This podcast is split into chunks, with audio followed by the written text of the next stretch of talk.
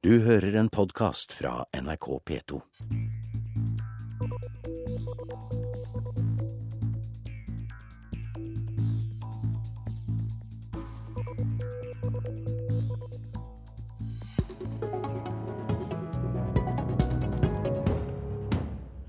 Bør IOC-medlemmene kjøre trikk og OL-åpningen legges til Ullevål?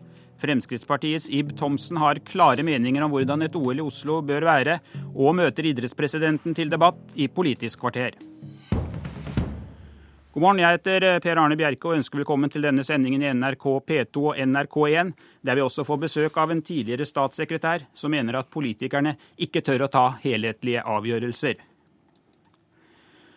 Stortingsrepresentant og idrettspolitisk talsmann i Fremskrittspartiet, Ib Thomsen. Du har gjort deg til talsmann for et OL på lavbluss, må vi vel si. Og denne uka foreslo du at IOC-medlemmene bør reise med trikk, at OL-åpningen bør legges til Ullevål, og at vi i størst mulig grad må bruke eksisterende anlegg. Hvor realistisk er dette? Nei, Det at eh, OL-IOC-medlemmene skal kjøre trikk, det var for å sette det litt på spissen. Men jeg tror vi må få det litt ned i forhold til det vi så i Tsjotsji. Så hvis man ser litt tilbake til OL i 94, man så på VM i 2011, og ikke minst nå ser vi på ungdoms-OL som skal arrangeres på Lillehammer i 2016, så er jo det den norske måten å gjøre det på, altså med Kvikk Lunsj med flagg og ryggsekken i løypene. Så det at vi kan begynne å diskutere det på norsk nivå, syns jeg kanskje er det viktigste. Idrettspresident eh, Børre Rognlien, du har kjempet for et OL i Oslo i lang tid, og Idrettsforbundet er jo også med på OL-søknaden sammen med Oslo kommune. Hvilke muligheter har vi til å få OL i 2022 hvis vi skal legge opp til et så enkelt arrangement som det Thomsen tar til orde for?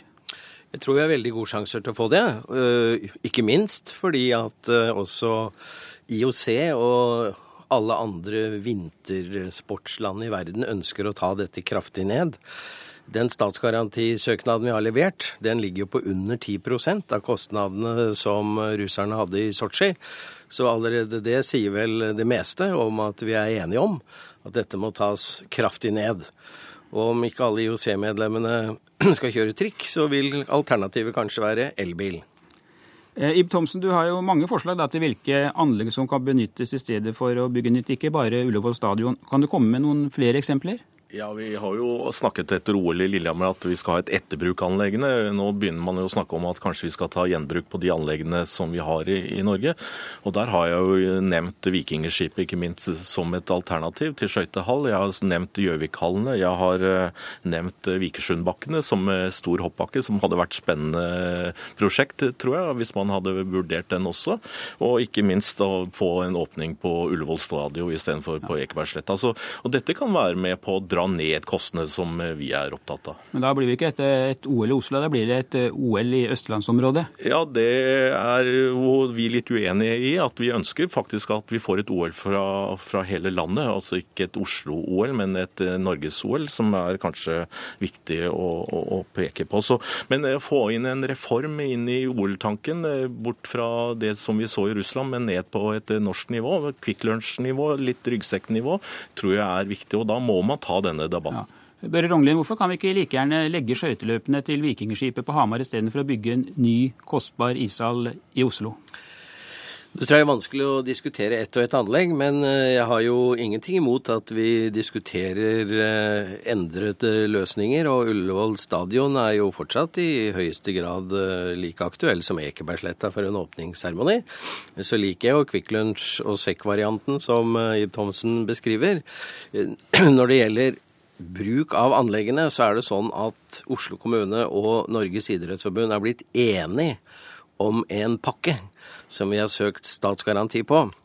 Og en av grunnene til at vi har fått så gode tilbakemeldinger fra kvalitetssikrerne, er at vi har garantert at vi vil stå på den pakken vi har levert. Og det betyr de anleggene som ligger inne. Det er gjenbruk av ca. halvparten av anleggene vi trenger. Det gjelder jo Kvitfjell, eller Hafjell, eller Boba Akebanen.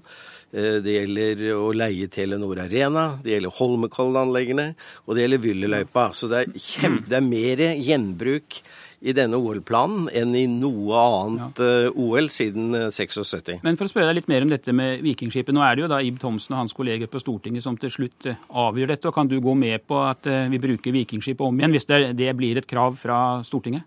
Ja, altså som jeg sier, vi har sammen med Oslo kommune garantert at vi ikke åpner pakka. Nettopp for at Stortinget skal vite hva det koster. Det er det som er kvalitetssikret, det som ligger der. Men hvis Stortinget ønsker at ting skal regnes på om igjen, så bestemmer regjering eller storting det. Men det er jo ikke sånn at du sparer kostnadene ved anlegg, og at det er hele regnestykket, for du får nye utfordringer for deltakerne skal bo, du får nye utfordringer hvor media skal bo, du får nye utfordringer i forhold til sikkerhet osv. Så, videre. så enhver endring her har både en pluss- og en minusside. Hvilke problemer ser du ved å spre OL utover store deler av Østlandet, slik Ib Thomsen nettopp tok til orde for?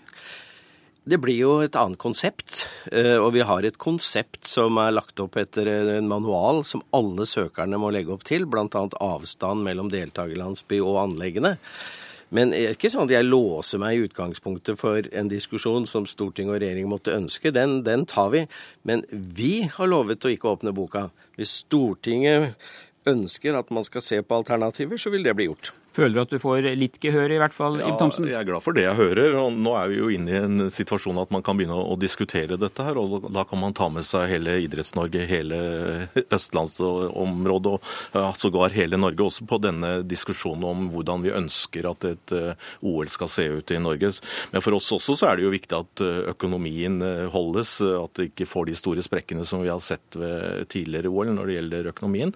Og så er det viktig for oss også at vi diskuterer ikke bare bare de 14 dagene som OL pågår, men at vi også har paralympisk etterpå. At det skjer så mye rundt både før og etter et OL. Så dette er også en diskusjon som vi ønsker å, å være med på eh, når vi da diskuterer også garantien. For det, vi er avhengig av et flertall på Stortinget for å få dette til, og da er det viktig at man føler også at man blir hørt. Børre Rognlien? Ja, vi eh, der nevner, nevner Ib Thomsen et viktig eh, stikkord, nemlig Paralympic. Det dreier seg ikke bare om olympiske leker, dette her. Det dreier seg i like stor grad om paralympiske leker. Og der har jo eh, London gått foran og vist hvordan dette kan gjøres når det gjelder sommer. Og Der følger jo vi at Norge har en forpliktelse til å vise hvordan dette bør kunne gjøres på vinter. Og det er en viktig del av vår søknad. Fordi det gir også et tilbud som har et helt annet siktemål til en, til en viktig gruppe. Vi ser litt mer på IOC-medlemmene, som det jo har vært mye debatt om her i landet. og I går fikk du et brev Ib Thomsen, fra byråden med ansvar for Oslo, som forsikrer om at IOC-medlemmene selv må betale for reise og opphold. Så da er du kanskje litt fornøyd, da? Ja, det var jo mye fokus eh, under Sotsji-OL på IOC-medlemmene. Man bygde et eget hus der borte til dem og sånne ting. Og Derfor syns jeg også det er viktig at man får belyst eh, hva er det de faktisk betaler. fordi at når det står i media at de forlanger et femstjerners hotell, de forlanger sorte biler, de forlanger nærmest nærmest egne kjørefelt, så syns jeg det er viktig at vi også tar opp denne problemstillingen. Men nå har man jo fått eh, avkreftet det, at de faktisk betaler for sine egne hotell, de betaler for sine egne biler, de betaler for det de eh, skal gjøre og bo i Oslo. Så, så da har man liksom fått kvittert ut det, og den diskusjonen bør man ikke ta lenger. Men det hadde jo vært spennende om vi kunne ha sendt dem av gårde med en eh, sort sporvognstrikk. Eh, Børre Rognlien, eh, hva vil du gjøre for å få IOC-medlemmene litt ned eh, på jorda, tilpasse seg norsk virkelighet? Det har vi begynt å gjøre ganske mye med allerede, for vi har lagt opp et veldig nøkternt tilbud i forhold til ungdoms-OL, som vi skal ha på Lillehammer om to år. Et OL i Norge, både et ungdoms-OL og et hoved-OL, vil foregå etter norske lover, norske regler og etter norsk idrettsverdier. Det tester vi ut i forhold til ungdoms-OL. Vi får ingen protester fra IOC på det. Vi eh, satser på et OL i 2022 som skal gå på skinner. Eh, da snakker vi om trikk, vi snakker om tog. Og vi snakker alternativt om elbusser og elbiler, for vi har også en miljøprofil vi, og en miljøambisjon i forhold til, eh, til dette OL-et. Og vi vi tar det gjerne ned, men vi behandler jo vanligvis utenlandske gjester med vanlig norsk høflighet. Og det er på det nivået vi legger oss. Men det er vel ikke direkte uhøflig om de går litt ned i standard heller? Nei, men nå er det jo som Ib sier, de betaler faktisk sjøl. Det har da store deler av media i Norge glemt å fortelle, men derfor er det flott at det tas opp. Men vi har ikke tenkt å bygge et eneste hotell eller noe som helst. De leier seg inn som andre internasjonale gjester på de hotellene som fins. Kort til slutt, Ib Thomsen. Blir det OL i Oslo i 2022, tror du? Ja, jeg personlig håper det. Men nå skal denne diskusjonen foregå på Stortinget, og ikke minst i stortingsgruppene. Både til Arbeiderpartiet både, og til Høyre Frp. Så dette blir en livlig diskusjon fremover. Det kan jeg love deg. Vi får vente og se. Takk skal dere ha for at dere kom hit til Politisk kvarter.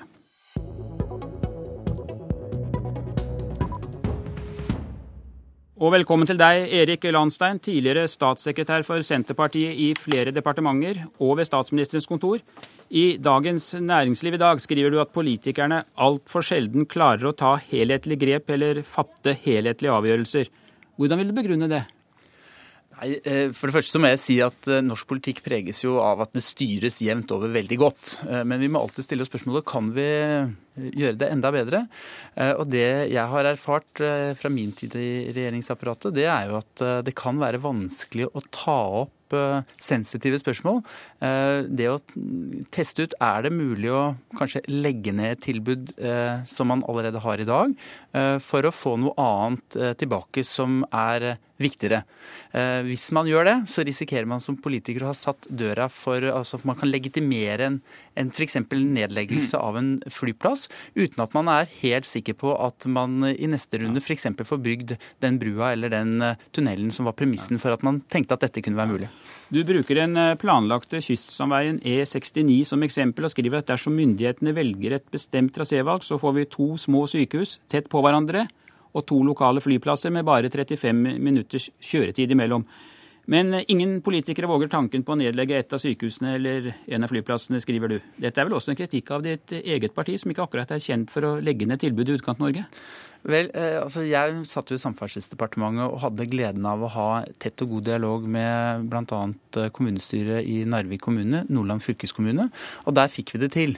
Eh, der diskuterte vi mulighetene. Er det mulig å se for seg at vi legger ned den flyplassen som ligger tett på Narvik, eh, mot at vi får bygd eh, den brua som man lokalt har drømt om i alle år, og som gjør at reiseveien mellom sør og nord blir 20 minutter kortere. Og det sa man lokalt ja til, men det var under forutsetning at vi garanterte at den skulle, flyplassen skulle ha full drift frem til brua sto ferdig. Eh, men for å holde oss litt etter eksempelet på Vestlandet, gir meg ikke helt med det. Vil det være god distriktspolitikk å si at med ny vei så trenger vi ikke sykehus både i Volda og Nordfjordeid, for å holde oss da til dette eksempelet ditt? Eh, det vi vet er at eh, vi kan velge å bygge et indre alternativ, eller vi kan velge et midtre alternativ. Det midtre er litt dyrere, men den store gevinsten er at da er det et befolkningstungt område som knyttes veldig mye tettere til Ørsta-Volda, som er et enda større tyngdepunkt, og da får man fantastisk regional utvikling. og det seg selv er mer enn nok til å forsvare at man velger det midtre alternativet. Men når det da blir 35 minutter reisevei mellom to flyplasser og, og to sykehus, så mener jeg at i tillegg da, til disse store eh, gevinstene man får ved å få et integrert bo- og arbeidsmarkedsregion, så vil man ytterligere kunne spare ganske mye penger hvis man tør å si jo. at vi eh, ikke skal drive disse eh, tilbudene videre som i dag. Enten legge ned en flyplass eller f.eks. samordne tilbudene mellom de to sykehusene. Men hvilken politiker fra Vestlandet som skal gjenvelges, tror du våger å gå fram og si at jeg slåss for å nedlegge et sykehus og jeg vil nedlegge en flyplass? Nei, det er det som er eh, problemet. Eh, det er ingen som tør å liksom åpne en gang for at noe sånt kan være mulig. Eh, og der er det jo viktig at organisasjoner som NHO, fagfolk og andre er med på å skape rammer for den debatten. Og så er det viktig at politikerne da, når de skal gjøre strukturendringer, er tydelige på at de som tør å skal vi si, åpne for denne typen følsomme ting, kan føle seg trygge på at de da i neste runde ikke blir straffet ved at de eh, både mister tilbud og heller ikke får eh, den forbedringen f.eks. For en ny vei og ny tunnel vil gi. Men er eh, politikerne litt for feige da, når de ikke tør fatte vedtak som er upopulære på kort sikt, men som viser seg kunne være samfunnsøkonomiske riktige i et litt lengre perspektiv? Jeg vil ikke si feige, men jeg sier at det er vanskelig og det er risikabelt. Og for meg som nå ikke lenger er politiker, så er det viktig å peke på dette. For å gjøre jobben, si det? For, ja, og for å gjøre jobben for de politikerne som nå uh, står i frontlinjen, uh, litt enklere. Og så vil jeg jo si det er jo ekstremt viktig da, at uh, Fremskrittspartiet og Høyre som nå sitter med ansvaret, gjør som det vi gjorde i, i Narvik. At de demonstrerer at hvis det er noen lokalt som tør å bevege seg inn på denne veien, ja, så, så viser de respekt for det, og sørger for at man ikke straffer folk ved å legge ned tilbud uten at man da finner nettopp de helhetlige gode løsningene som totalt sett gjør at distriktene kommer bedre ut av det. Takk for at du kom hit, Erik Landstein, tidligere statssekretær. Og det var Politisk kvarter. Du har hørt en podkast fra NRK P2.